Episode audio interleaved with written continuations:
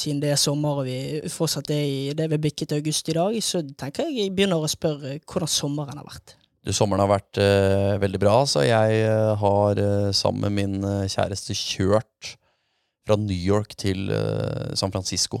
Fra New York til San Francisco. Det er ikke den velkjente route Nei, altså Route 66 er Chicago. Begynner i Chicago, og så går den litt mer sør og så vestover. Mens vi har på en måte kjørt litt nordover og så vestover. Så vi har vært eh, innom Chicago og andre stopp på Route 66, men, eh, men ikke helt eh, den ruta, nei. Ikke de veiene. Så hva har dere besøkt på den turen der? da? Du, vi har besøkt eh, 18 hoteller, tror jeg det var.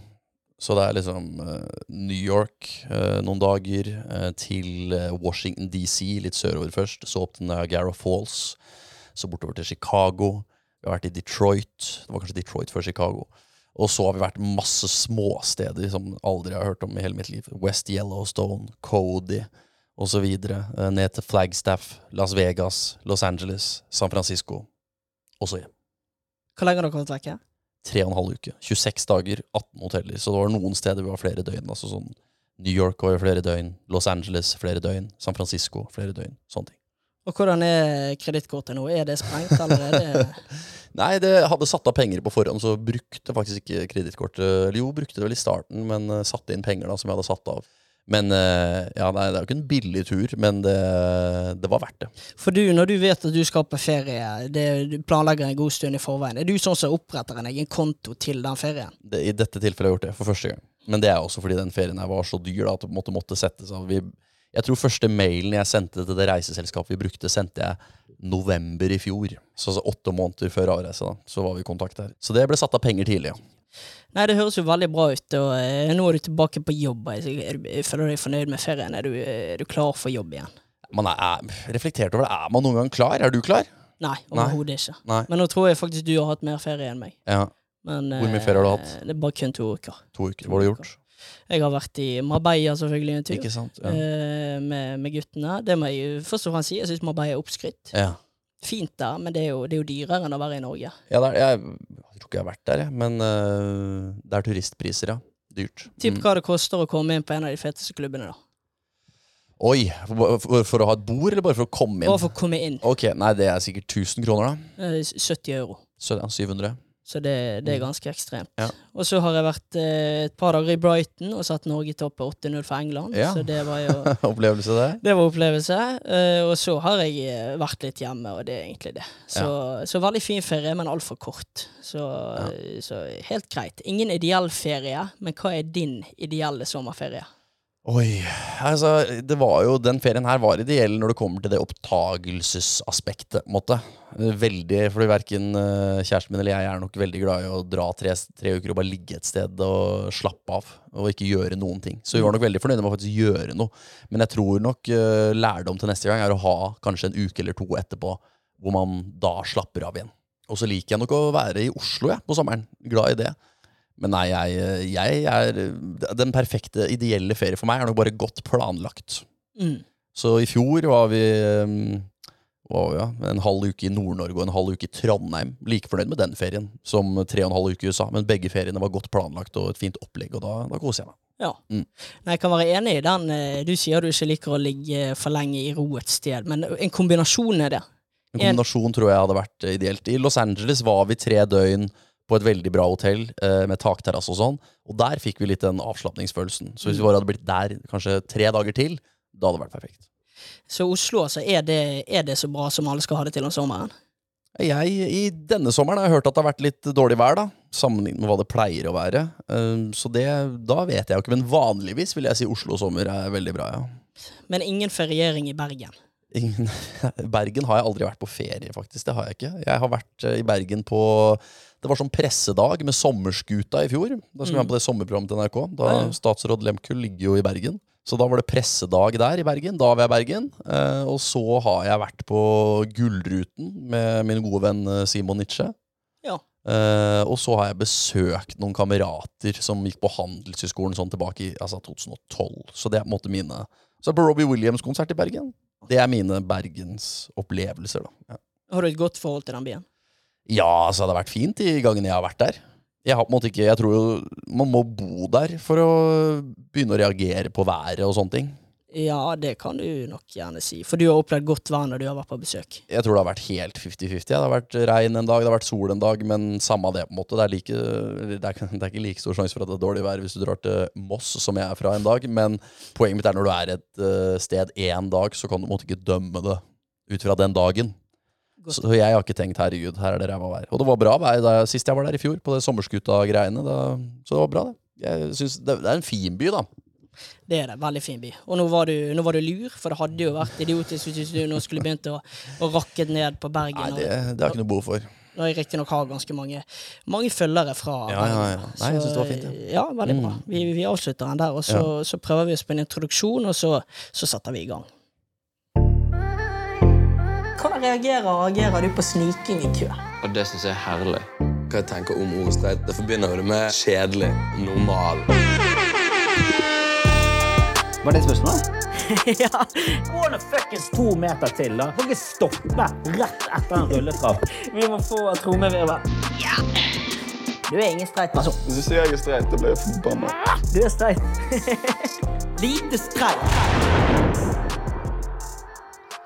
På gjensyn på gjensyn. Det er veldig lenge siden dere har hørt eh, noe som helst fra Lite streit-podkasten, og det skyldes jo både litt arbeid og at vi har hatt en travel sommer, så sånn er det. Men vi skal prøve å få litt gang igjen eh, i det nå utover høsten, og så ruller vi rett og slett på. Med det så introduserer jeg eh, dagens gjest, og det er da NRK Sportens største kjæledegge. Dagens gjest han har de to siste årene ledet landet gjennom vinterens skisesong. Han har utfordret kjendiser i programmet Kjendis-VM. Tidligere har han studert journalistikk i Volda. Han har en tilfeldighet holdt på å bli eh, pilot i Forsvaret. Han har en fortid i Discovery. Han er en av artistene bak hitsene Fors på fredag og Hansa og Tuborg. Han har forsøkt å sabotere Magnus Carlsens sjakkarriere. Han har fylt Parkteatret, og han er med å danne landets mektigste kjendispar. Helt til slutt så vil jeg legge til at han er en av få kjendiser som foreløpig ikke har laget sin egen podkast. Velkommen så mye til deg, Emil Gukild. Tusen takk. tusen takk Veldig hyggelig introduksjon. Veldig hyggelig. Ja, treff, er det noe du føler helt umiddelbart at her mangler det noe? Oi, nei eh, Nei, jeg har to brødre. Er det, bør det med? Ja, for du, de er verdt å, verdt å ta opp. De er verdt å ta opp. To brødre. Jeg er fra Moss. Moss selvfølgelig kunne jeg. Moss, ja, ellers eh, Jeg eh, Det var uh, altfor meget. Jeg er veldig fornøyd. Ja. Veldig fornøyd. Ja. Blir, du, blir du litt stolt over deg sjøl når du hører eh, disse tingene du har gjort og vært med på? Nei eh, Nei, eh, nei. Nei, jeg tror ikke det, altså.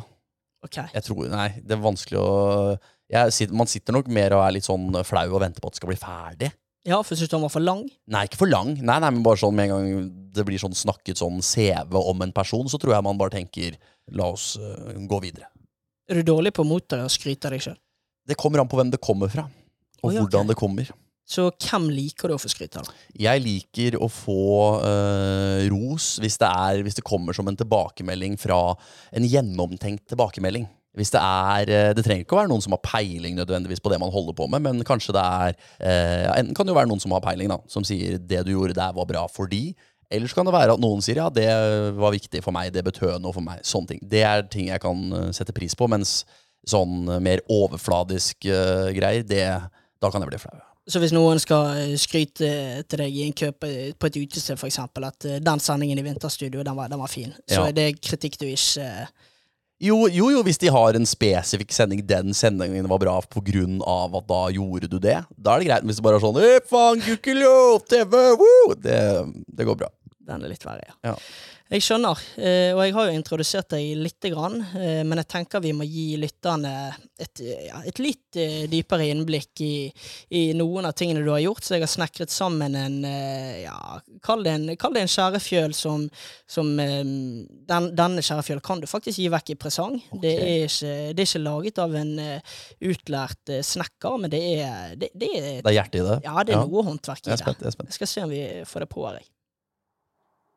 Eh, gutta, Emil det. Konge. Send han inn. Halla, gutta. Supert at du er her. Oh, Sorry for at jeg er ja. sein, ass. Oh, ja, ja. Gutter.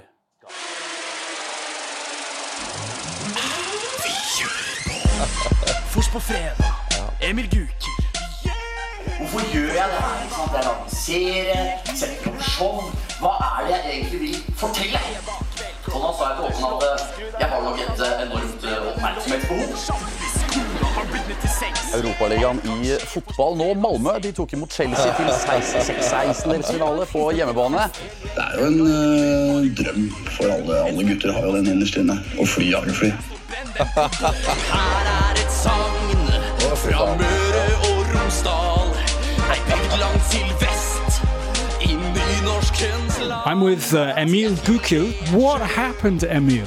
Uh, we were playing uh, football. Magnus had the ball, and I thought, okay, gonna have to stop Magnus so he doesn't score. So I ran against him, and um, my left eye hit his left eye.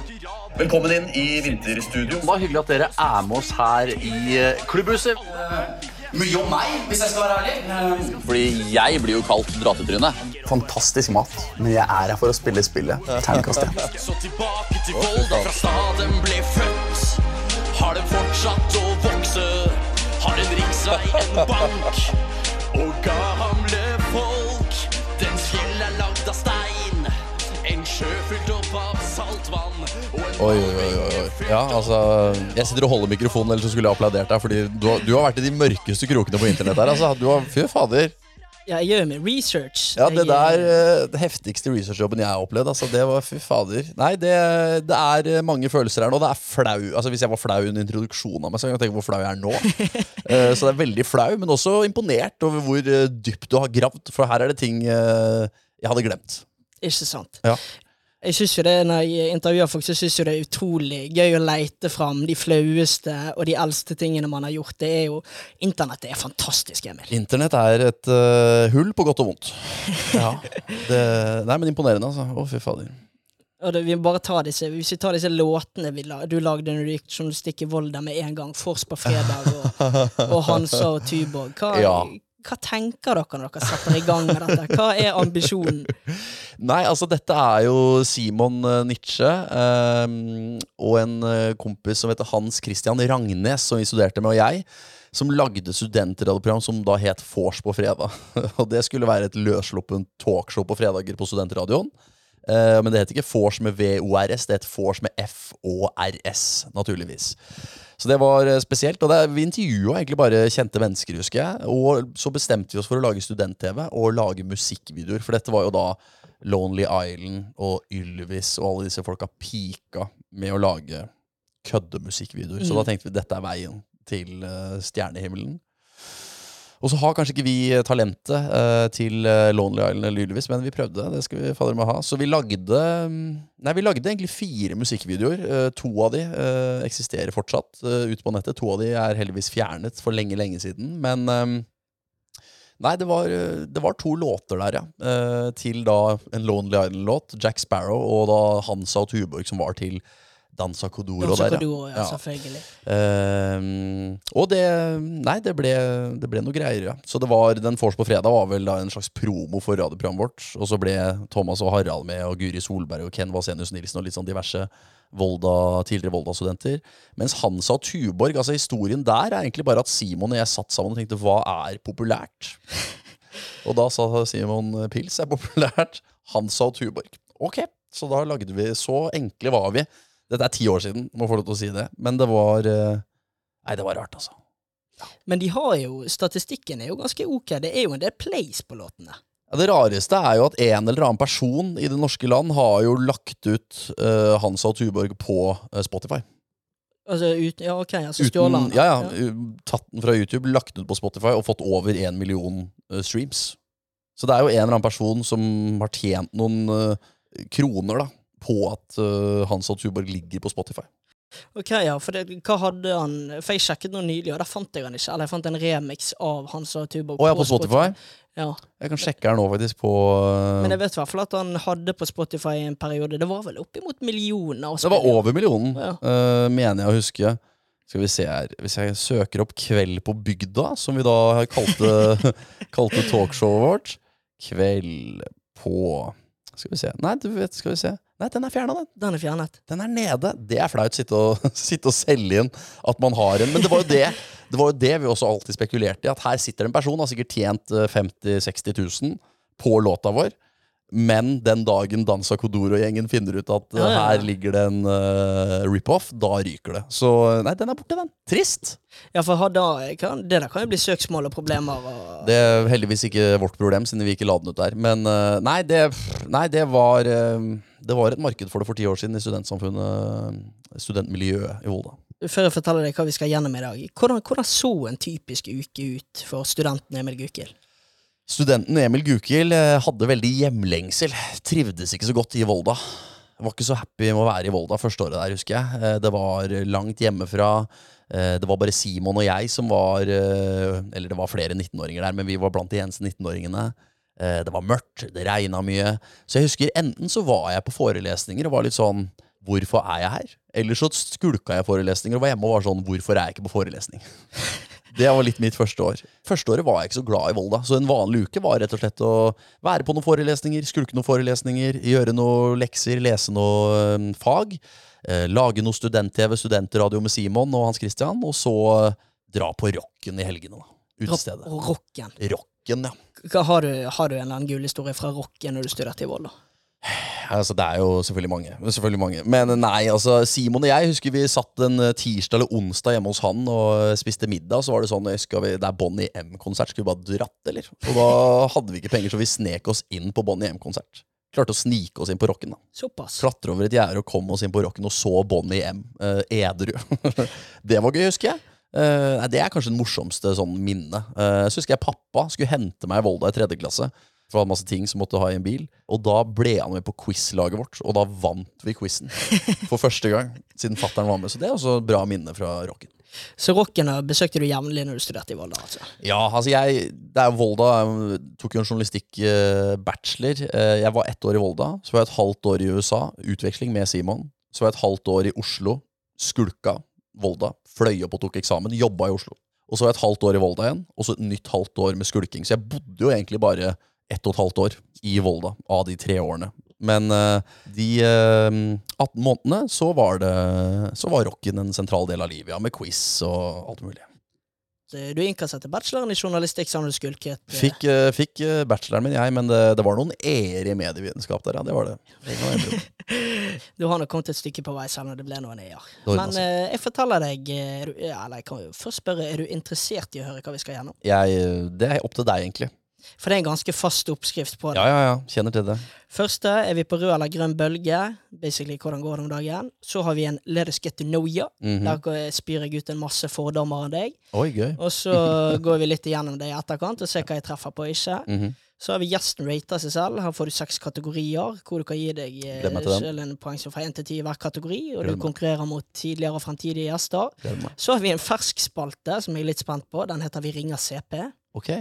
Mer om den eh, når vi kommer til den. Og så innimellom dette så fletter jeg inn eh, lurere og lytterspørsmål. Jeg er klar når som helst. Helt til slutt så konkluderer vi. Er Emil Gukild en streit person eller ei? Jeg er spent sjøl, jeg. Er du det? Ja, nei, det kommer an på ja, hva du dømmer, da. Ja, nei jeg, jeg, har- jeg har ikke begynt å peile meg så Nei, vi, vi, det, vi blir for, det. det blir for tidlig. Det Ja. blir for tidlig. Vi tar er vi på rød eller grønn, vi. Hvordan går det med badkar? La meg si det slik. Rakk ølsalget med ti sekunder i sted. Ja, hvordan går det nå igjen? Nei, kjørte over katten min i stedet, så er vi på rød eller grønn? Kom an, Emil. Hvilken Yes. bølge så får du på? Ja, så Er dette et bergensuttrykk? Kan jeg bare spørre om det først? Nei, oppfinneren av eh, dette uttrykket er vel en kamerat av meg, Håkon Myking. eh, og det kan eh, dras mot det om når du går gatelangs, og hvis du treffer alle grønne Ja, ja, ja, ja, så er du på en grønn bølge. Jeg var på en eh, sparkesykkel fra farmora mi for å komme hit til NRK og ta denne praten med deg. og Da flere trafikklys på veien, så det er interessant eh, det der hvordan man har flyt og ikke flyt. Veldig. Veldig. Jeg må jo si at livet er på en grønn bølge, altså. Det er det. Det er det. Selvfølgelig tungt å være tilbake på jobb uh, fra ferie. Alltid tungt, men eh, jeg kan ikke klage. Jeg er på grønn bølge. Ok, ja. Så eh, jo, hvis vi begynner med jobbsammenheng, da. Mhm. Hva, hva er det som skjer der? Hvorfor er du på grønn bølge her? Jeg er på grønn bølge fordi uh, jeg har uh, en trygg jobb i en utrygg bransje.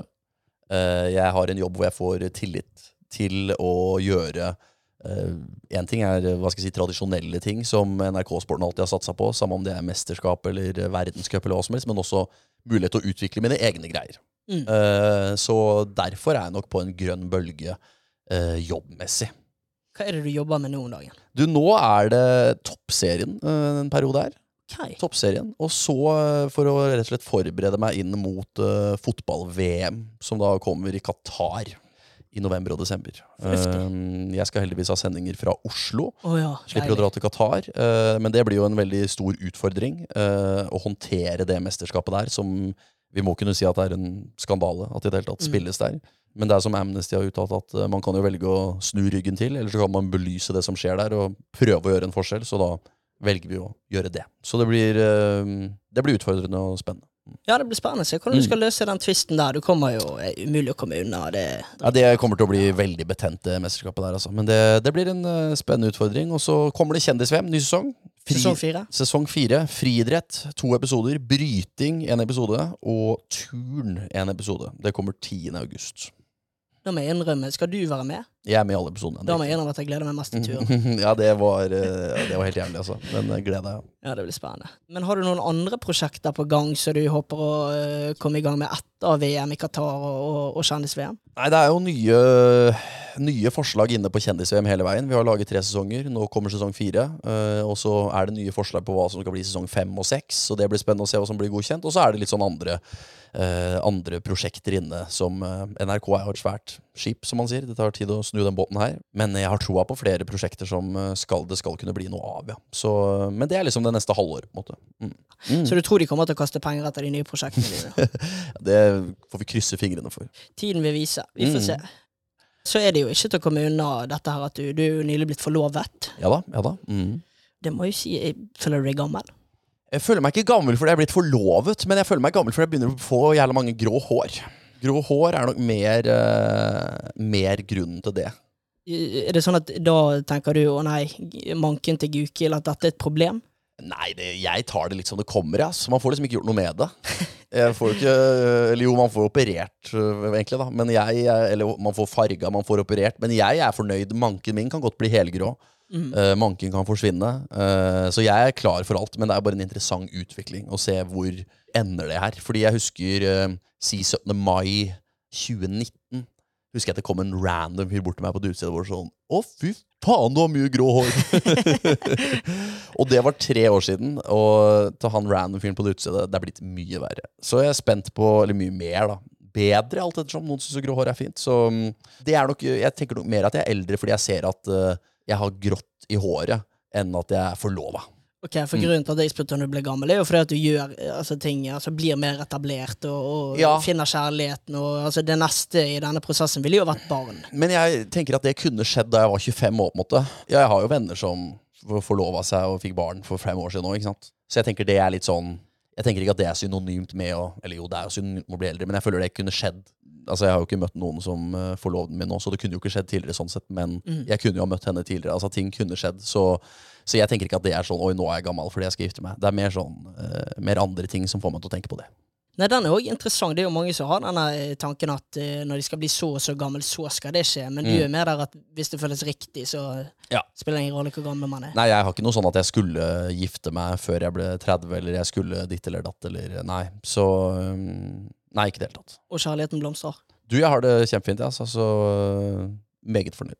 Ja, det må jo kunne sies at dette er en grønn bølge. Jeg syns jo det er litt kjedelig, dette, for jeg venter jo på han gjesten som sitter Ja, Er det noen som har sagt at det er rød bølge? Nei, ingen. Ok, Eh, Ingen som har sagt rød bølge? Og jeg kan jo skjønne det òg, at det det er jo en litt sånn lettbent podkast, og at folk skal sitte her og lange ut om sine problemer. Det hadde jo kanskje blitt litt rart, og, men likevel òg eh, altså, stått i stil med tiden med, med alle disse følelsespodkastene. Men, eh, men ja. Ja. jeg tror folk uh, lyger, altså. Ja, kanskje, men uh, jeg føler jo litt sånn Fordi det er jo noen spalter hvor folk blir spurt om sånn terningkast på livet og sånn òg. Mm. Og da føler jeg det sjelden at du hører det er toer. Mener? Så uh, jeg tror jo det kanskje er at folk uh, Ok. Det er rart, da. Fordi er ikke vi nordmenn egentlig litt sånn pessimistiske? Jo. Ja. Jeg pleier å si det at når det er bra, så er det terning fire, og så snitter på en terning tre. Ja. Sommeren kanskje snitter på en femmer. ja. Men ja, jeg, jeg, tror det er en del som lyver. Men for Ja. å dra det litt tilbake igjen til, til jobb igjen, så har Mm. vi, vi har pratet om, om hva du holder på med, og hva som skjer fremover. Men dette her, eh, jeg må bare spørre, altså dette med, dette med mediebransjen og programleder og TV, Mm. var det det du drømte om når du var liten? Ja, altså, jeg drømte jo om å ta over eh, Senkveld etter Thomas og Harald. Oi, okay. Det var liksom min drøm. Jeg var jo ti år gammel da Thomas og Harald hadde Idol, ikke sant? Og så begynte de rett med Senkveld etter det, så jeg var fortsatt ti år gammel. Eh, og det hadde de jo gående i mange, mange år. Så det var min drøm. Og så drar jeg til Volda og møter Simon. Han har samme drøm. Så da ble vi jo veldig sånn, ok. Ja, det er litt corny, jeg må innrømme. Det er, det er nesten litt sånn for ja, det er bare å roaste Ja oss, da, altså. Det, ja det er lov. Men det, det var drømmen vår, da. Så da ble jo det ekstra stor tenning på det. Så vi lagde jo talkshow sånn i Volda og tenkte ok, vi, den dagen Thomas og Harald ikke gidder mer, da, da skal vi inn der. liksom. Riktig. Men så ga jo de seg, så kom Helene Olafsen og Stian Blipp. Vi var ikke helt i posisjon, og så ga de seg, og så var det ferdig. Ja, det var jo litt synd at Stian Blipp og Helene Olafsen bestemte seg for å ødelegge det konseptet. det var jo Nei, de var flinke, de, da. Ja, de var flinke. De var De utrolig flinke. flinke. Flinke. Eh, artiklene på, på seertall forteller jo noe annet, men eh, ja, Nei, kanskje men det er lineær-TV, vet du. Lineær-TV er Ja. ferdig. Lineær-TV er ferdig. Nei, jeg syns de, de gjorde en kjempejobb, altså, så det var eh, Men det var rett og slett ikke TV2 har jo, de har jo ikke talkshow lenger. Det har de egentlig ikke. De er ferdig med talkshow. Det har de ingen Ingen talkshow. Altså det er God morgen Norge, hvis du vil definere det som et talkshow. Ja, men hvem er det som vil se på talkshow klokken seks om morgenen? da? Dama mi gjør det, da. Hun, eh, ikke seks om morgenen, men hun ser God morgen Norge. Okay, ja. Hun synes det er også en, god, en av mine beste venner også. God morgen Norge er, eh, det står sterkt. Men nei, altså, det var, det var drømmen. Å være talkshow-vert. Men nå er jeg jo blitt 30, og eh, nå er det jo litt sånn Talkshow er jo kanskje en litt døende sjanger. Hvis du ser på det, så er det jo NRK heller ikke så mange. Det er Lindmo og Kåss til kvelds. Det er det vi har. Eh, Så det er jo en sjanger som kanskje er litt på vei ut. Så nå må jeg kanskje finne meg et nytt mål. Men det var egentlig eh, det store målet, ja. Hva tror du er grunnen til at talkshows dør ut, da? Altså, I USA dør det jo ikke ut i det hele tatt, da. Nei? Uh, og på Netflix er det jo svært med My Next Guest Needs No Further Introduction Ja, ja, ja, med. David Letterman. Så det er jo Så talkshow er ikke dødt i det hele tatt, men i Norge dør det ut. Hvorfor det dør ut i Norge? Det er noe du skal si at det er av de programlederne Nei, det tror jeg ikke. Jeg, jeg vet ikke om det er eh, konseptene, om det er at man ikke har fått de beste gjestene. Om, eller, altså, den korte historien er jo altså, Det er jo seertallene, da. Så, men sånn som Kåss til kvelds eh, mener jeg husker at gjør det veldig bra. eh, I NRK TV, altså strømmetjenesten til NRK. Så det er jo det man må satse på nå. Uh, ting som kan gjøre det bra. Ikke bare lineært, men også eh, når en, altså on demand, da, når folk vil se det. Eh, og det er vel der Jimmy Fallon, Seth Meyers, James Corden, Jimmy Kimmel, Stephen Colbert, disse gutta som holder det gående i USA, har klart å knekke en kode da, ved å lage innhold som også funker døgnet rundt og året rundt, men samtidig som at lineær-TV fortsatt står sterkere i USA. da. Mens eh, jeg bodde på 18 hoteller i USA. Det var ikke ett hotell hvor det var mulig å streame fra telefonen sin. Det er jo litt rart. Det var bare lineær-TV.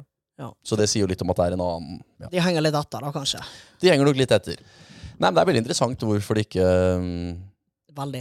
Men, Al- men Lindmo må- det funker jo kjempebra. Det funker dritbra. så, um, så det funker jo. Så det handler jo bare om å få det til å treffe. Og det er jo rart at TV2 sånn sett ikke TV2 hadde jo veldig nytte av Senkveld og sånn med tanke på å promotere egne Mm. uh, flater, egne profiler. Eh, sånne ting. Så den har de jo mista litt nå. Nå er det jo på en måte God morgen Norge som har den. Eller God kveld God kveld Norge er jo for så vidt et slags talkshow. da Kan Nei, det kan du mate til katten for min del. Altså. Nei, det, nei, det, jo. jeg, det er et talkshow. det definerer det gjerne som et talkshow. Men Ja. hvis, hvis jeg, ja, det, det er kjedelig hvis man skal sitte her. Jeg mener det er rein dritt, men det får nå være meg.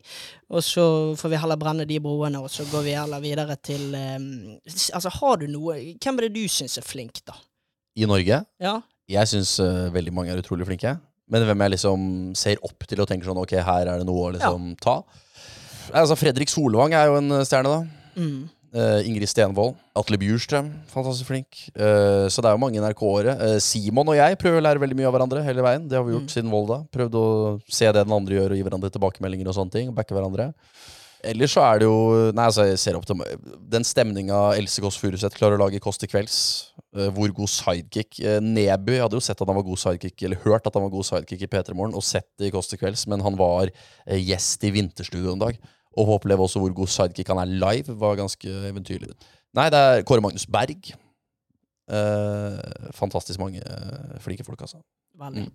Nei, riktig. Så du har eh, Så det er ikke én du vil trekke frem som Altså, det må jo tidligere sikkert ha vært Thomas og Harald, men ingen sånn per dags dato som du har Han eller hun er mitt eh, Kan jeg lære mest av, tenker du? Nei, det var Thomas Numme som var den store Mm. eh, den store da jeg var yngre, og det er han jo fortsatt. Det er han som gjør at jeg jobber med det jeg gjør i dag.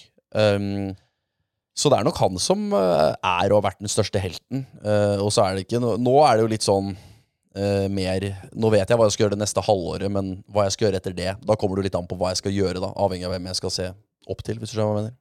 Enig. enig. Mm. Men du har gjort eh, du har, faen, du har gjort, du har gjort for mye. Du har, eh, altså, vi har ikke tid til å prate om alt. Eh, hvis man vil ha en enda lengre og fin biografi fra din, de tidligere årene, så er jo det å anbefale den Heia fotball-episoden. Den er jo veldig fin. Den, den første gangen jeg holdt på der, var veldig, veldig gøy. Så hvis man vil ha en eh, ja, større biografi, prøv den. Men eh, jeg liker jo alltid å, jeg liker jo best å høre om de gangene det gikk til helvete. Ja, ja, ja. Eh, så da hvis vi, hvis vi begynner med om du har en eller annen historie du vil trekke frem der, da. Du, det er mange, altså. Det er mange. Men uh, du hadde jo en del lydklipp her av det, da jeg hadde skalla Magnus Carlsen. Det er jo, en, eh, det er jo en, eh, et stort uh, 'nå går det til helvete'-øyeblikk, ja. Ja. For da, da er det slik at eh, Line Andersen har eh, sjakksendingen i Oslo. Ole Rolfsrud er sjakkreporter i London, hvor det er sjakk-VM. Magnus Carlsen møter Caruana. Og så er det en dag hvor Line Andersen skal lede KORKs julekonsert. Så hun er borte fra sendinga, men da skal Ole Rolfsrud flys til eh, Oslo for å ha studiosendinga, og jeg flys til London for å være Ole Rolfsrud. Det er på en måte eh, logistikken her. Flyr til London. Idet jeg går ut uh, av taxien og inn på hotellet, så møter jeg hele Team Carlsen, og de spør vil du være med og spille fotball nå om en halvtime. Uh, fordi to år tidligere hadde jeg vært på sjakk-VM i New York, og da spilt en del basket med dem og vært en del sammen med dem. Hva type fotball prater vi her? Er det binge? Er det, er det Binge, binge, Okay, binge. binge. Så da er det å ta på seg joggesko og noe treningstøy, uh, og bli med bort til en Det var jo, jeg tror vi ble kjørt til og med, bort til en ballbinge. Random sted i London, liksom. En sånn sjuerbinge med vegger og nett og to mål, liksom. Og så er det kamp, to lag. Um, og da er det jo litt sånn at noen uh, er der for å spille og ha det gøy og trene. Noen er der bare for å liksom uh, Dette er jo en hviledag Magnus Carlsen har. Han uh, har spilt remis seks ganger mot Caruana. Eh, han trenger bare å koble av litt, liksom. Så noen er der bare litt som statister, på en måte. Men jeg, Magnus Carlsen er jo kjempekonkurransemann, så jeg vet at han, gidder, han vil jo ikke bare spille mot folk som står og nikker og slipper inn mål. Liksom. Han vil jo ha litt motstand. Uh, så jeg spiller jo, um, på en måte, da. Uh, og så er det en duell hvor jeg lurer på om det er jeg som har ballen, kanskje. Og så er det sånn at en av oss, jeg skal se opp, samtidig som han ser ned. Og vi står så nærme hverandre at da skaller vi rett og slett venstre Se for deg øyenbrynet ditt. Venstre øyenbryn inn i hverandre. Og hvis du kjenner på ditt venstre øyenbryn, så er det jo Det er hardt. Det er skalle. Det er hardt, ja. Så vi skaller de to inn i hverandre, og da hører du et eh, Du hører sånn kjempe At det klikker eh, Den klassiske Donald-lyden, ja. ja, den kommer. Jeg skjønner jo raskt Å, helvete, nå Så jeg legger meg litt ned der, og faen, hva skjer nå, liksom? Magnus eh, er på andre sida der. Eh, han er litt sånn eh, borte og litt sjokka sjæl. Og så ser jeg at legen til Magnus Carlsen, Brede Kvisvik, han ser på meg. Og da skjønner jeg ok, da skjer det verre ut hos meg. For da har jeg fått et lite kutt. Magnus har fått en kjempeblåveis, jeg har fått et kutt, og det blør i hele trynet mitt, basically. Så da var det valget mellom å stripse eller sy det. eh, og da ble det stripsing av det, da. Så jeg, du ser det så vidt at jeg har, har et arr ved ja. Ja, ja, ja. Men når du da kommer på sjakk-VM parti 7 i London dagen etterpå der, og verdens beste sjakkspiller og en norsk journalist har begge har plaster på venstre øye, da skjønner du på en måte ok, her har det skjedd noe. Så jeg tror det er Ole Kristian Strøm i VG som først spør på kødd. Er det du som har krasja Magnus, eller? Og da er jo Ja, det er meg. Og da er han sånn Hæ? Er det deg? ja, og da eh, tar det jo helt av på lokalet der. Da var det Wall Street Journal og eh, CNN, holdt på å si, altså hele gjengen, ja. Og heldigvis så ble det remis i det partiet Magnus spilte den dagen med plaster på øyet, men da er jo jeg da den første som rettighetshaver i NRK er jeg den første som da står og skal intervjue han etterpå. så da tenkte jeg bare sånn, faen hvis han taper nå, og den første han møter er han fyren som skalla ned i går, da, ja. Det var en lang periode hvor det var 'er det du som skalla ned Carlsen', var, uh, var sayingen på byen, på en måte. Så, men det var et sånn øyeblikk hvor det gikk til helvete, hvor jeg var litt sånn faen nå. Når han spilte partiet, satt jo da skalv av. Han var nervøs for at går dette til helvete, da ryker min karriere. Ja, det var en periode hvor Caruana liksom hadde uh, fordelen. Og da tenkte jeg sånn, fy faen, nå Altså, karrieren min handler jo ikke godt, men jeg tenkte dette blir flaut, ja. Ja. Dette blir flaut. Så um, Nei, det var spennende. Ja, egentlig er det jo ingenting du har gjort gale, da, men det hadde jo Nei det, nei, det kan du si, men eh, nei, hadde ikke det. Men det, det hadde vært uheldig. Så det er den største sånn fy faen, nå, nå ryker det. Men ellers er det jo 1000 TV-sendinger hvor ting ikke funker, og, og det blir rart, ja. Du har jo mange. Du har jo spesielt den når du rapporterer fra, fra Malmö eh, i Champions League-kamp. 16-16, 16 finale der, ja. Ja, ja. Det er et stort øyeblikk. Så det, den, eh, den er jo veldig fin. Men eh, vi, vi tar et, jeg har notert meg én til altså, jeg vil prate litt om, og det er når eh, du var uh, usikker på om dette om du nå er utsendt reporter, eller om dette er når du lager Emil i OL, men i Pyeongchang, Ja. så har vel du eh, Får vel beskjed fra øverste hold eh, til Discovery at her er det bare til å komme seg til helvete hjem. Ja, eh, det er også et sånt eh, Det er kanskje enda større grad et sånt øyeblikk, egentlig. Altså, da, ja, det er faktisk ja, det er mye, mye verre. Da var det um, Emil ja, eh, som var en innslagsserie på Facebook for TV Norge. Så det var eh, parodierte Klæbo, lurte Marit Bjørgen med at vi var sørkoreansk TV-team. Alt mulig. Preproduserte masse innslag som gikk under OL og før OL. Og så var jo Thomas Engeseth, som nå er Alle mot én-programleder, eh, og jeg, eh, vi var i Pyeongchang i fire uker og skulle også prøve å lage innhold der. Og da sitter vi og er litt sånn, ok, hva kan vi gjøre? OL er jo veldig begrensa, det er masse sikkerhet, masse rutiner. Er det noen muligheter her? Og da kommer Kjetil André Aamodt inn, han og Lasse Kjus, og vi får en god tone med dem. Og så er det sånn, ja, vi kunne jo vært med på besiktigelse, altså hvor du rett og slett sjekker løypa ikke sant, før en alpinkonkurranse. Riktig. Alpinpakken, da. Ja. Og da er det utfor som er første øvelse, og da sier Kjetil ja, jeg kan få dere inn jeg, på besiktigelse til utfor. og utfor er jo, det er jo De kjører jo ned et jævla fjell, så det er det verste du kan. Ja, det er krise. Men uh, da bestemmer vi oss for å gjøre vrien kjøre besiktigelsen på langrennsski. Men hvorfor det? Hvorfor det Nei, jeg tror det måtte være et hu Altså det måtte jo være et premiss her, liksom. Det kunne ikke bare være 'vi er med på besiktigelse'. Det hadde jo eg Sånn i ettertid hadde det holdt. Det hadde holdt mer enn Det holdt mer enn nok. Men vi ville liksom gjøre det til et uh, humorpremiss, og da var premisset at jeg hadde ikke mer slalåmski. Jeg hadde bare mer langrennsski til Bjørnstad. Okay, ja. Så da måtte det bli det. Og Kjetil André Aamodt eh, Jeg hadde aldri vært i en proff uh, alpinbakke, for den saks skyld. I hvert fall ikke utforbakke, da. eh, før. Eh, så da blir Kjetil André Aamodt Han sniker oss inn i denne utforbakken i Pyeongchang.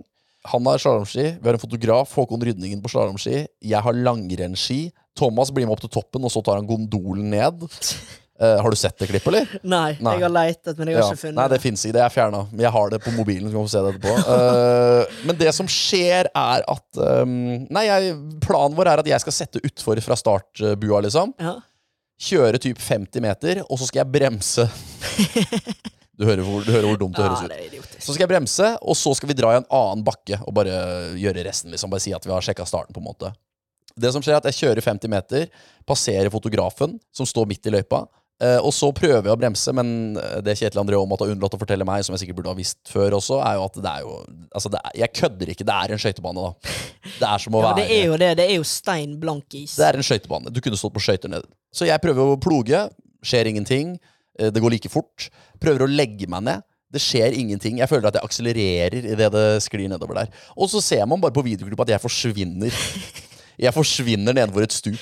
Og det går, og jeg prøver altså, se for dere, jeg prøver å stoppe meg selv med eh, stavene. liksom Jeg prøver å ta stavhåndtakene. Ingenting funker. Jeg har ikke på meg hjelm. Kan vi ta med det? Jeg har ikke på meg hjelm. Heldigvis svinger løypa etter hvert, da så jeg klines jo inn i et eh, sikkerhetsnett. Skien knekker, bindingen, staven knekker, altså ting blir ødelagt.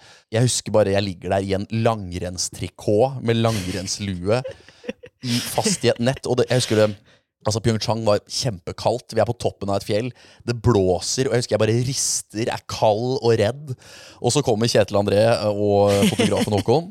Og så er det og meg oppå ryggen til Kjetil André Aamodt, og så kjører vi ned til målområdet. For dere er fortsatt langt oppe i bakken. Ja, ja, ja. ja, ja. Så, ja, ja, ja, ja det er flere enn en kilometer igjen, så Og da blir jo dette et kjempegøy innslag, Ja. naturligvis. Eh, Det går sin seiersgang på Facebooken til TV Norge. Det går i OL-studio, hvor Karsten Skjelbred og Anne Sture er programledere. Kjetil, Lasse Kjus og jeg er gjester. Snakker om hvor sjukt det er. Beat Foyts, eh, en av historiens beste utforkjørere, får sett det fordi Eurosport er jo eh, internasjonalt, så han går til Kjetil André Aamodt i intervjuet og sier ah, ja, så innslaget, hva faen, liksom.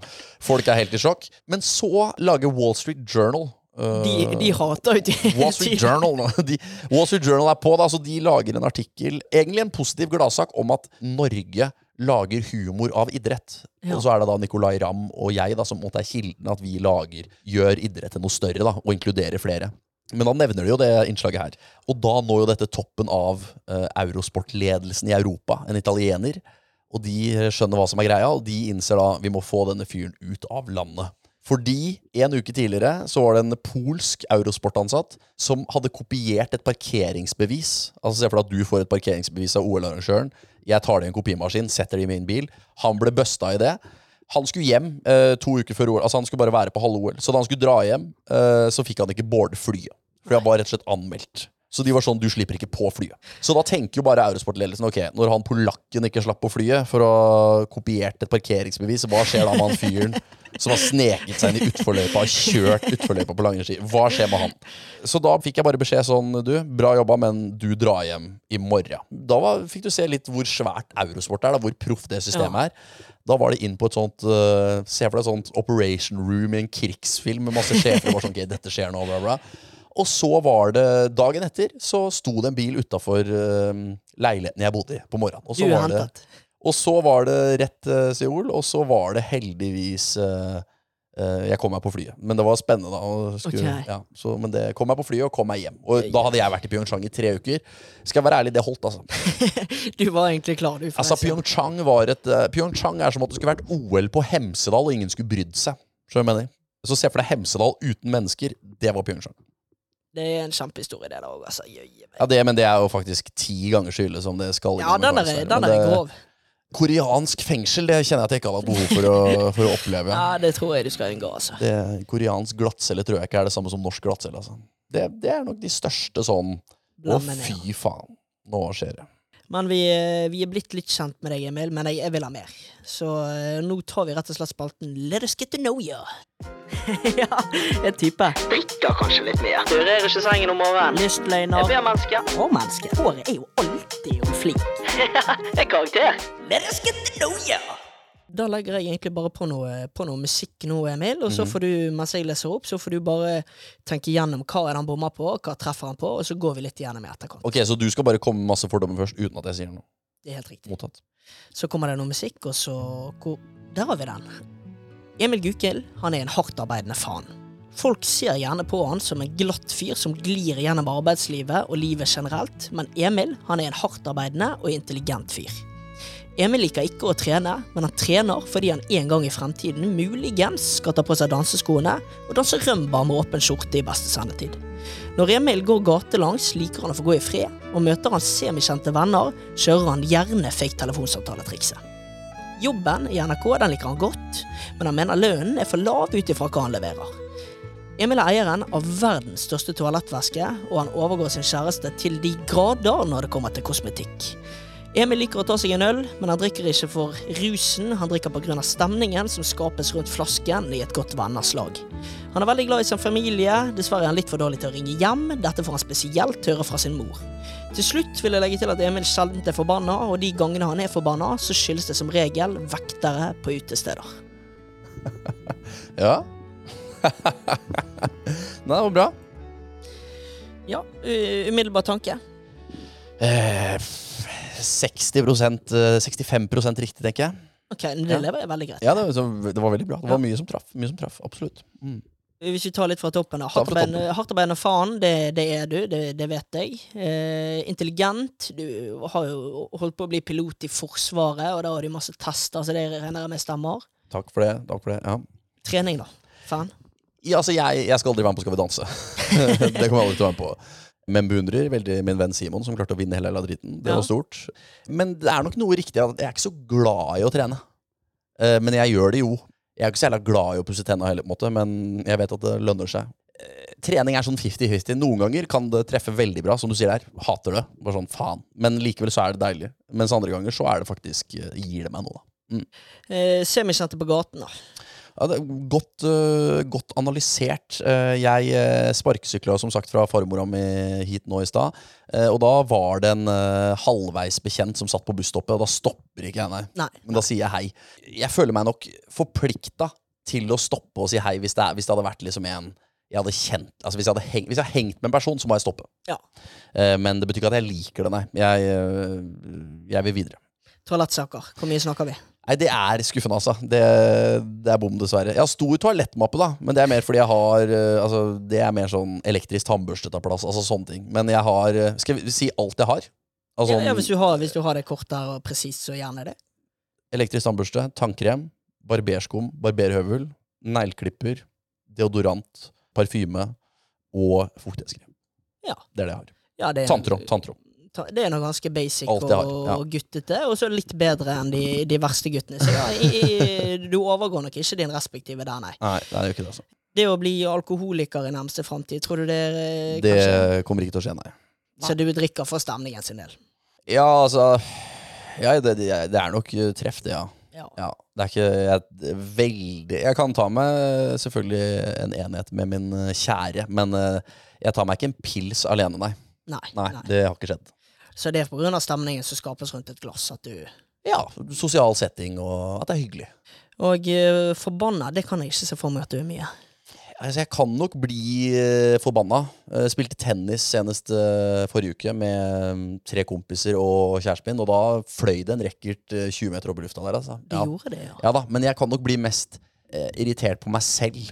Hvis jeg er sånn Faen, klar, har jeg glemt det? Klarer jeg ikke det? Da kan jeg klikke. Ja. Men jeg er ikke sånn Det skal mye til for at jeg blir sint på andre. Da tror jeg bare mer blir sånn Ok, du er taper, du. Ok, hold det gående. Så hvis jeg skal bli sint på andre, da tror jeg det må være at noen gjør noe kjipt mot noen jeg bryr meg om. Da kan jeg sikkert bli sint. Ja. Ja, men ellers er det nok mest sint på meg selv. Ja. Så i konkurransesetting, da kan du typisk bli ivrig og forbanna, da, hvis det Ja, men på mine egne vegne. Ja. Så hvis du og jeg skal løpe 100 meter, og så er det åpenbart at du er raskere enn meg, da er det ikke sånn 'å, fy faen, nå klikker jeg', liksom. Men hvis jeg tryna rett før mål, da kan jeg bli sint på meg selv. Så den tennisgreia at den racketen fløy 20 meter opp i lufta, at jeg følte jeg gjorde dumme feil.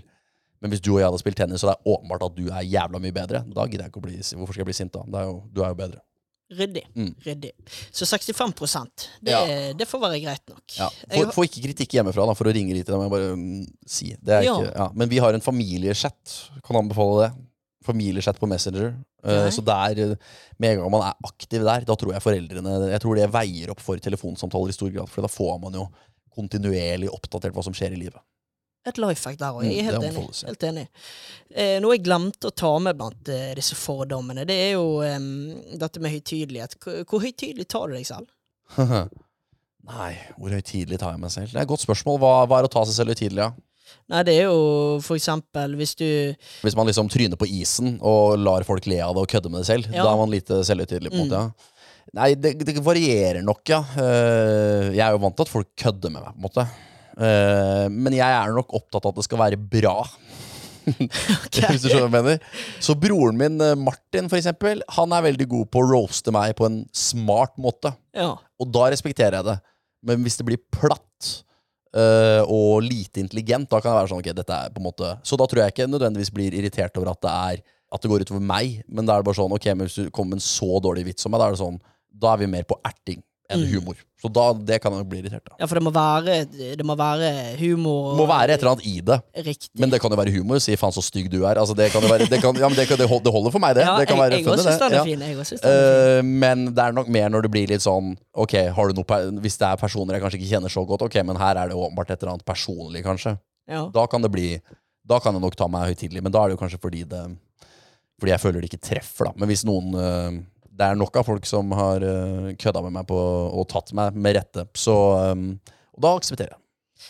Jeg syns jo akkurat denne vitsen Du kommer inn i et rom, du har ikke møtt mange av de før. Mhm. Den er jo selvfølgelig dristig, og du Mm. vender deg til, til høyre for deg og sier 'faen, så stygg du er'. og du står i det, da. Er ja. seriøs. Jeg Ja. syns jo det er kjempehumor. Det, Ja. det, altså, du, du kan jo selvfølgelig Ja, man skal, eh, man skal man skal være heldig for å slippe unna med det, men eh, Ja. alt er mulig. Med, er jo- Fremført på rett måte og med rett uh, kroppsspråk, så alt mulig. Det er det. Mm. Eh, men for å gå videre på, på dette med selvironi altså Hvis du hadde dritt deg ut på en TV-sending eller lignende, da, Mm. eh, har du nok eh, selvironi til å le av det? Kanskje til og med legge det ut på sosiale medier i etterkant? Ja, det har jeg jo gjort. Ja? Ja, det har jeg jo gjort. Okay. Det, ja, har du noe? Altså, hvis du hadde tatt feil av eh, en fotballkeeper, for eksempel i en sending Å ja. Nei, den eh, Ja, nei, har ja, du pratet med Christian Gauseth nå? Ja, det er Ja. litt forskjellig. Ja, nei, da eh, Det Fy fader. Nei, det Jeg kan nok ha humor på det. eh, noen gang Nå kunne jeg hatt humor på det. Men det tilfellet jeg tror du skal inn på nå, da Ja. var jeg så ung og ny i TV-bransjen at jeg var så flau, husker jeg. Og da eh, ble det for mye for meg. Så hva er, hva er det som skjer her? Ja, det som skjer er at vi har en Facebook livesending før Klubbhuset. Uh, og får, vi får spørsmål på Zoome, kontinuerlig eh, på, Zoom, på Facebook. Og jeg sier Donnaromma. uh, på uh, daværende Milan-keeper. Uh, og det og så får jeg jo høre det fra Gauseth og Stilson, og så tenker jeg etterpå faen, dette kan ikke ligge ute. liksom At jeg faen ikke vet eh, hvordan man uttaler navnet til Milan-keeperen. Eh, og så fikk jeg det fjerna, og da, da ble Christian sint, husker jeg. Ok, fordi at Han blir da sint for det at du ikke står i det, da. Ja, og sikkert fordi jeg da Jeg fjerner jo Jeg får jo TV Norge til å fjerne noe fra Facebook som også går utover han, da. Ja, ikke sant? Fjerner jo hans produkt også fra Facebook, så, så det var nok Det beklager jeg, og det, det la jeg meg flat for uh, i 2017-18 der, og legger meg gjerne flat i 2022 også. Men hva er det du gjør der? Du går til en av sjefene dine, du Jeg ringer bare han Facebook-fyren og sier Øy, den siste klippet der, jeg sa noe feil, kan vi fjerne det? Og så sa han ok, og så fjerner han det. Ja. Ok, Jeg trodde egentlig det var lite rom for å fjerne sånne ting når det er sendinger og så men det er Nei, kanskje men det var Facebook. Det Ja, på. Det var, altså. Jeg tror ikke jeg kunne ringt Discovery og sagt Halla, kan du fjerne en TV-sending fra Discovery Pluss, eller hva faen det heter nå? Eh, eller NRK TV. Halla, kan du fjerne det? Det går ikke. Det går ikke. Eh, da må det være virkelig ille.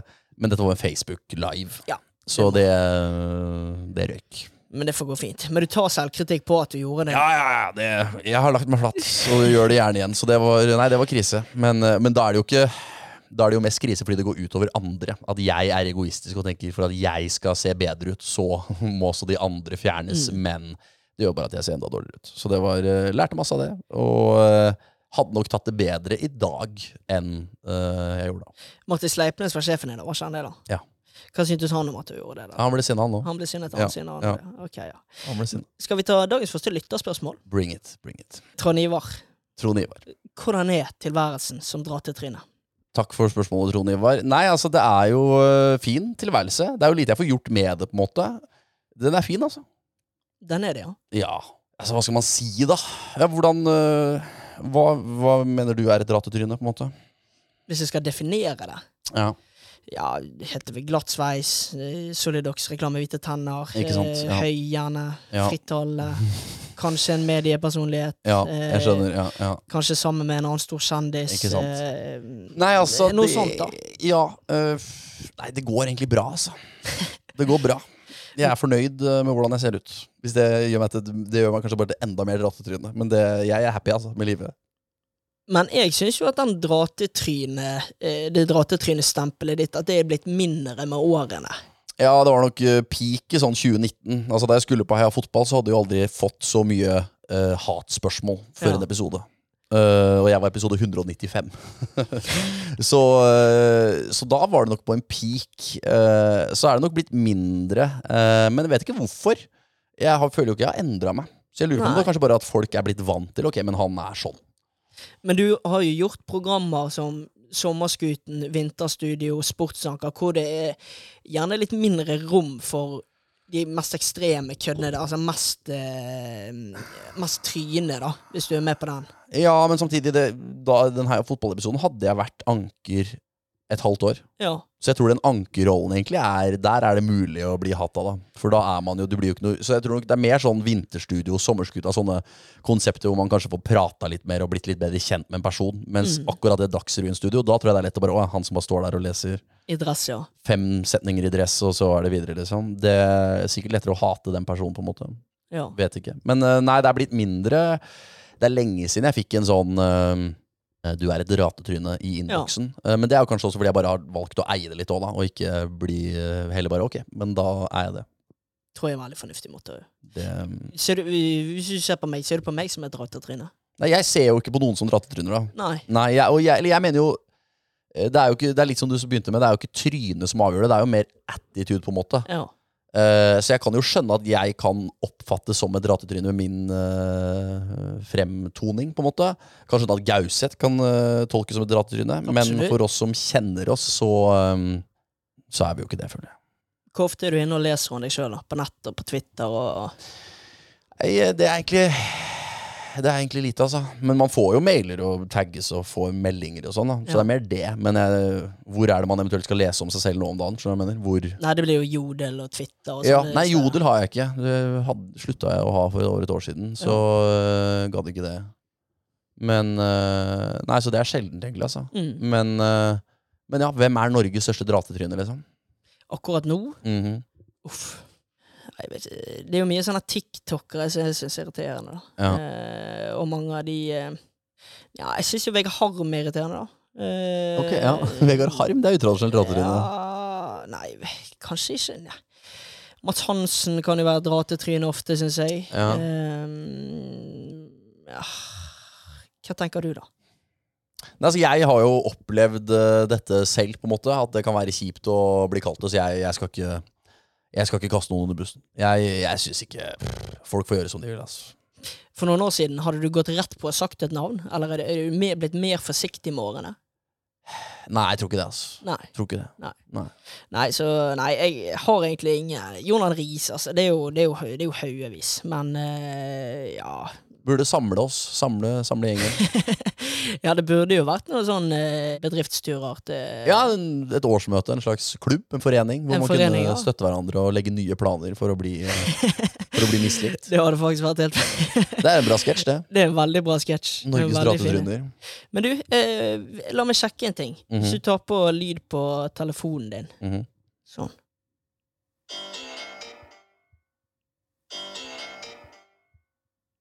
OK. Ja, det er ringtonen min. Da har jeg Jeg var ganske sikker på at da har du skiftet. Da er det ikke lenger 'Ring meg' av Gabrielle. Hvem, hvem, hvem, har sagt det? Nei, jeg har Emil. Jeg gjør min research. Ja, men hvem, hvem, har sagt det?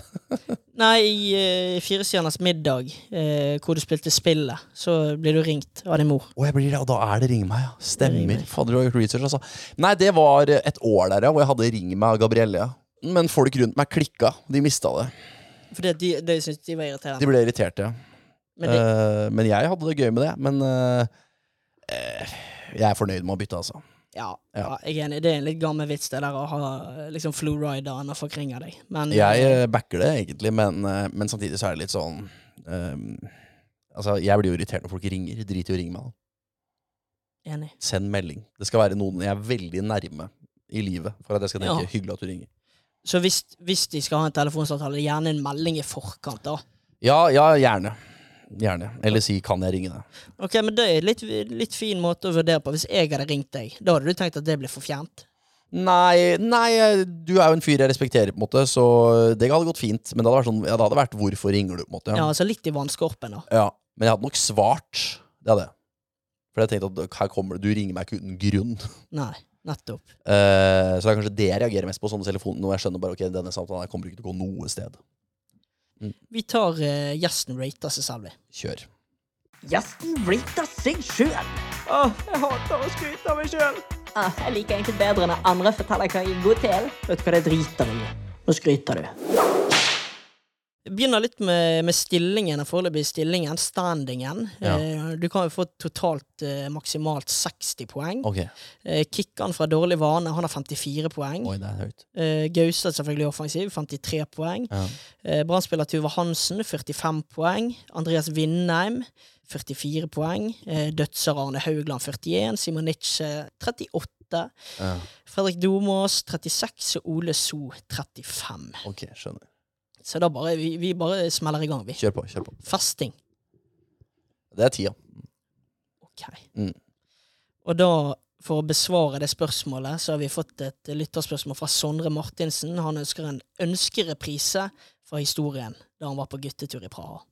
Nei, det var uh, guttetur til Praha, og uh, hva skal man si? Uh, en, av oss, en i guttegjengen studerte i Praha. Vi fem andre karer dro nå, seks andre karer dro nå og besøkte han.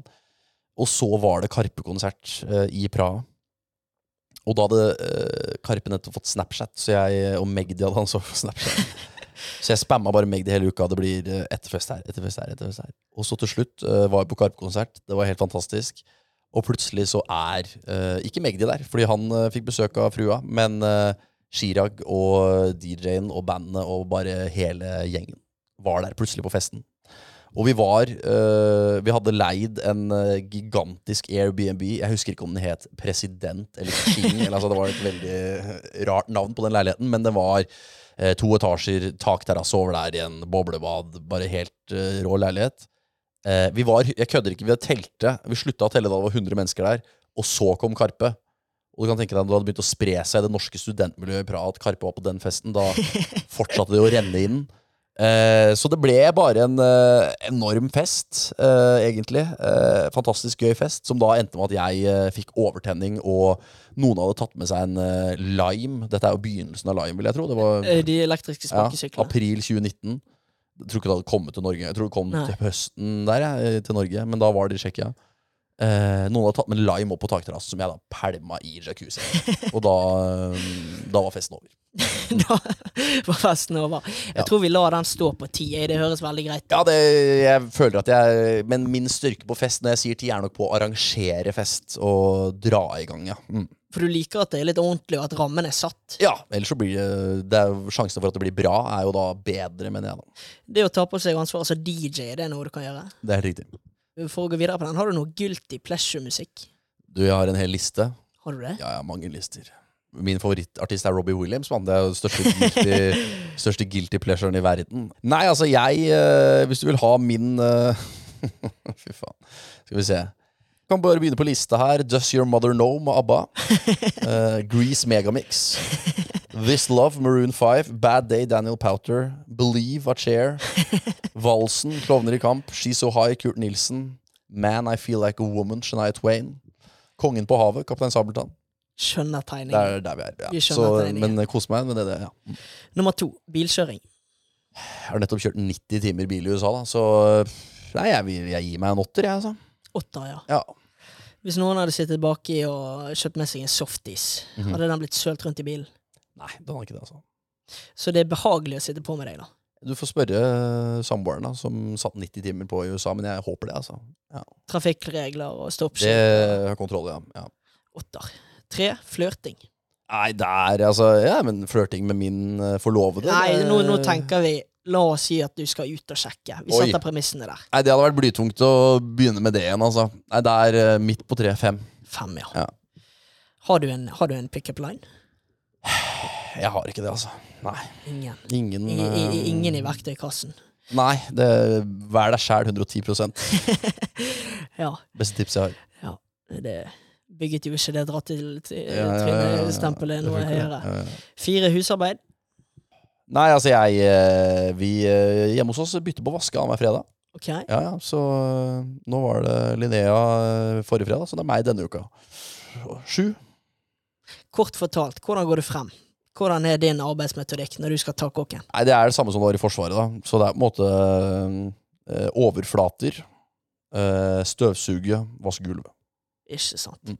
Og du fikk ofte godkjent rominspeksjon i, i Forsvaret? Jeg fikk ofte det. Jeg hadde ofte ansvar for å vaske trappa jeg, på kaserna. Fire oh. etasjer med trapp. Og du kan tenke deg veldig mange som vasker rommet, og så går de og spiser. Så de kommer jo da rett tilbake før det var inspeksjon. Så det var et helvete, men det gikk bra.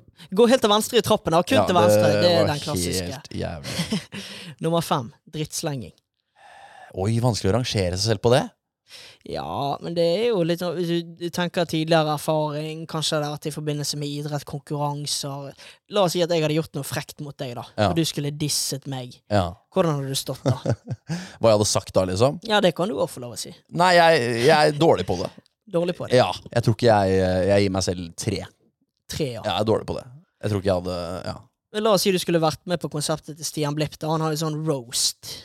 Eh, hvor man, eh, Da er det så typisk Sofie Elise. Hun Ja. skal roastes i dag. Det er amerikanske konseptet. Ikke sant? Ja, ja. ja, ja. Hvis du hadde fått tid til å forberede en roast av Sofie Elise, da, hadde du hevdet deg? Hadde folk i salen ledd?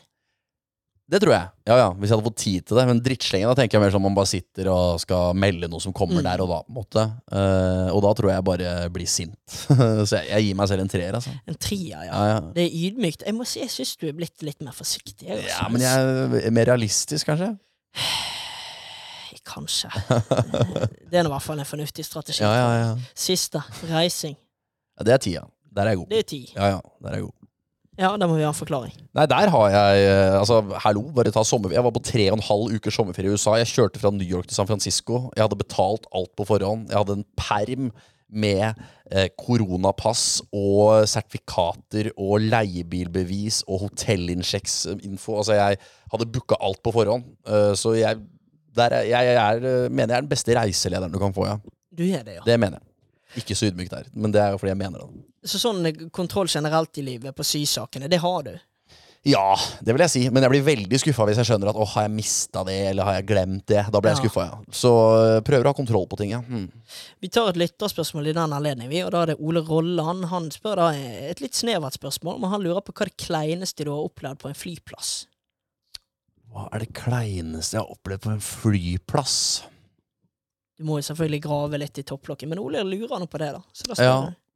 Eh, Da jeg reiste med Thomas Engeseth, eh, vår kjære Alle mot én-programleder her i NRK, så fant han på at han skulle gå på hendene på eh, bagasjebåndet. Og han gikk på hendene gjennom Han fikk lov til å gå på hendene gjennom metalldetektoren, holdt på å si. Altså sikkerhetskontrollen. Det var flaut, husker jeg.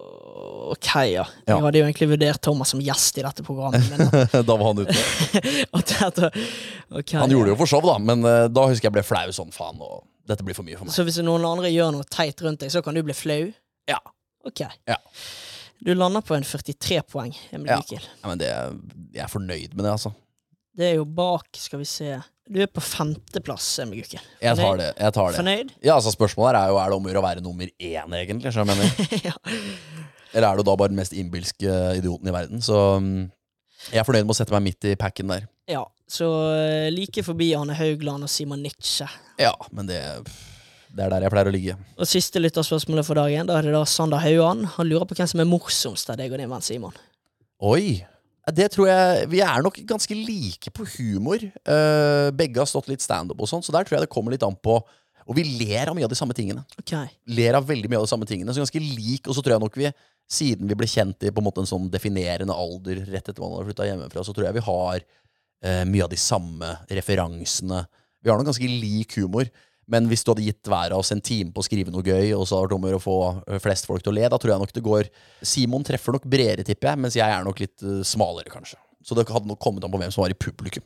Så for å konkludere så varierer det litt, men lik humor. Kommer an, lik humor, kommer an på publikum. Men uh, hvis du hadde spurt 1000 mennesker, så tipper jeg nok Simon hadde hatt flest, kanskje. Vi går til den nye spalten, vi. Gjør det.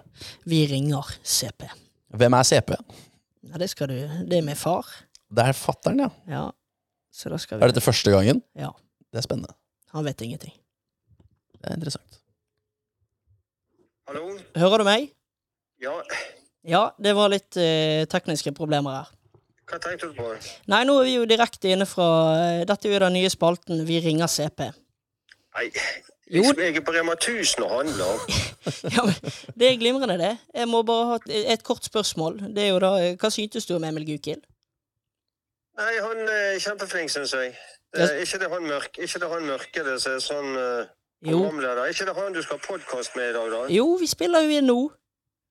Og spiller du inn nå? Ja, du er jo på luften. Nei. Jo da. Ja vel, OK.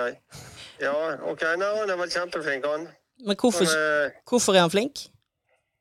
han er veldig tydelig. Tydelig og velformulert og velforberedt, tenker jeg. Og så gjør han seg jo bra på fjernsyn. Han er jo en presentabel type. Ja. Det er hyggelig. det er hyggelig. Tusen takk! Så, så han, er- nei, han syns jeg er kjempeflink. En av de bedre. Så det, det er jo NRK, sant? Det er riktig. Ja, så nei, det er jo klart en av de bedre. Ja. Men eh, Hva, hva må han jobbe med fremover, tenker du, for å bli enda bedre? Nei, jeg tror ikke han trenger å jobbe noe. NRK trenger vel å jobbe med å jobbe frem gode saker. Så klarer vel, klarer vel han å presentere de på en uh, fin måte, tenker jeg. Ja, Jeg håpte jo du skulle være enda mer kritisk, men det får være det ærlige svaret. da Du pleier å være ærlig, så da får vi tro på Ja, det. ja. Nei, jeg har ikke noe å utsette på han, altså. Nei. Jeg syns for øvrig det at han hadde Jeg tenkte på han faktisk, fordi at jeg var eh, han, Jeg tror han kjørte denne bussen når de var nede til uh, eh, Urnes stav, stavkirken, og NRK hadde en sånn uh, Det var han. sommerfe sommerferiebuss. Det var han. Det var han. og da, var, da var han ned til uh, over til Urnestad. Det var Det mestret han òg, kan du si til han. Ja, Nei, han hører deg, han. Så. Veldig hyggelig. Tusen takk! Og gjør han det? Nei. Jo da. Å ja. ja, ja, du må hilse han. Jeg skal det. Hils, hils og si tusen takk. Eh, Han hilser og sier tusen takk. Ja, men greit. Da prates vi senere. Greit. Hei. Ja, fantastisk hyggelig. Ja, det var noe, det var noe virkelig eh, fine ord. Ja, CP pleier ikke å være så hyggelig. Jo, han pleier, han pleier å være ærlig. Ja, så- så, så, det er jo var- Så hvis han var hyggelig nå, så var det jo ærlig. Han var fantastisk hyggelig. Det var veldig hyggelig. Tusen takk til CP. Ja, takk til CP. Så eh, vi skal egentlig Vi er på vei til å runde av, vi. Men uh, før vi konkluderer, så lurer jeg på om uh, hva andre gjester vil du anbefale meg, og hvem bør jeg ta kontakt med neste gang? Ai, Thomas Engeseth er jo en anbefaling, da. Mm. Det er en fyr med ti milliarder jerngild og mye energi, eh, og som har opplevd mye. Spilte jo Kjell i Olsenmann junior. Det gjorde han. Original-Kjell. Så eh, Thomas Engeseth anbefaler jeg sterkt. Eh, hvem andre er det jeg vil anbefale Tedda, da? Hmm. Tete kunne jo kanskje vært noe. Tete Lidbom, definitivt. Vegard Aulstad i VG-sporten, bra. Ja. Mm. Eh, så det er mine tre anbefalinger. Eh, Thomas Engeseth, Tete Lidbom og Vegard Aulstad. Eh, og så må få på noen damer her òg, da. Eh, Adelina Ibishi. Ja. Mm. Mm. Enig. Eh, P3 Morgen. Eh, ja, det er min anbefaling. Kjempe det. Du, jeg har en konklusjon, jeg. Å, jeg er spent. Spent? Du lurer kanskje på om du er en streit person eller ei. Ble du så blank i øynene nå? Er du spent? Er du nervøs? Syns du dette er gøy? Det er ikke gøy. Alt kan ikke bare være lek og moro. Vi må jo finne ut om du er en fet person eller ei. Er du streit, eller? Ja, er det en streiting? Spennende. Ja Mye orden. Konkluderer du live, eller? Konkluderer live, ja. Live, ja. Mye orden. Mm. Mye orden. Eh, blitt mer etablert. Eh, grå hår begynner du å få, uten at det skal hemme deg på noen som helst måte. Eh, jeg syns du er blitt mer forsiktig i morgen, Emil, hvis jeg skal være ærlig med deg. Ja, ja. Eh, når, når jeg prøver å dra opp eh, enkeltnavn så du, du kanskje kjenner eller kommer til å møte på i bransjen, så er du forsiktig. Ja. Klok av skade, kanskje? ja, Brent barn skyr ilden? ja eh, mer positiv ros på Twitter, som òg underbygger det at du er blitt mer forsiktig. Eh, Du gjør mye programmer hvor du Du gjør mye ting hvor du, hvor du egentlig kun formidler eh, det glade budskap. Ja. Eh, Ja, ja, altså. Ja, jeg hører hvor det går. Ja. Uh, det, det er lenge siden det nå har blitt, noen, eh, blitt bedømt lite streit, men uh, jeg må jo bare være ærlig. Uh, så du er Du er for meg over i det streite landskapet, altså. Ja, ja, ja. ja. Men det, det er lenge siden du har hatt folk som har vært streite? Eller Lite streite. lite streite? Ok, men jeg, Så jeg er streit? Du er streit. Ja, ok. Og det virker som det er negativt? I min bok er jo det litt negativt, Ja, da. Fordi du er lite streit? Ja, åpenbart. Ja, ikke sant? Ja. Nei eh, ja, nei da, men da anbefaler jeg en Thomas Engeseth og Tete Lideboen. da, Fordi de, de kan jeg garantere her og nå, de er lite streite. Riktig. Ja. Nei, jeg er nok streit, ja. Men det, jeg trives i det landskapet, altså. Men det er jo mye også, det du gjør, og sånt, som tilsier at du er ting som ikke er streit, da. Men eh, hvis jeg skal måtte konkludere som jeg på mange måter må, så blir, må blir, det, så blir det det. Jeg sier takk, og jeg er enig. Jeg står i det. Ja, Er du enig i vurderingen? Ja, jeg er en streit fyr. Det er jeg jo. Du er det, ja? Ja, men altså, jeg har jo mine lite streite sider òg, men sånn overall, hvis du tar liksom forlova, jobber i NRK uh, uh, og det greiene der, uh, da er det jo Lever et streit liv, ja. Ja. Mm. Nei, men Det er glimrende, det, Gukild. Og helt til slutt så har jeg bare en men før du går. Mm. Men før du går, Emil. Hva er den drøyeste hatmeldingen du har fått tilsendt? Du er så Og så kommer capslock. Ekkel!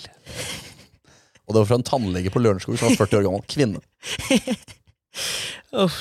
Det tror jeg kanskje er sånn Og da var det mer sånn fordi det er veldig mange ganger får hatmeldinger fra er sånn du ser på en måte, ok, men du har kanskje ikke et så dritfett liv, på en måte.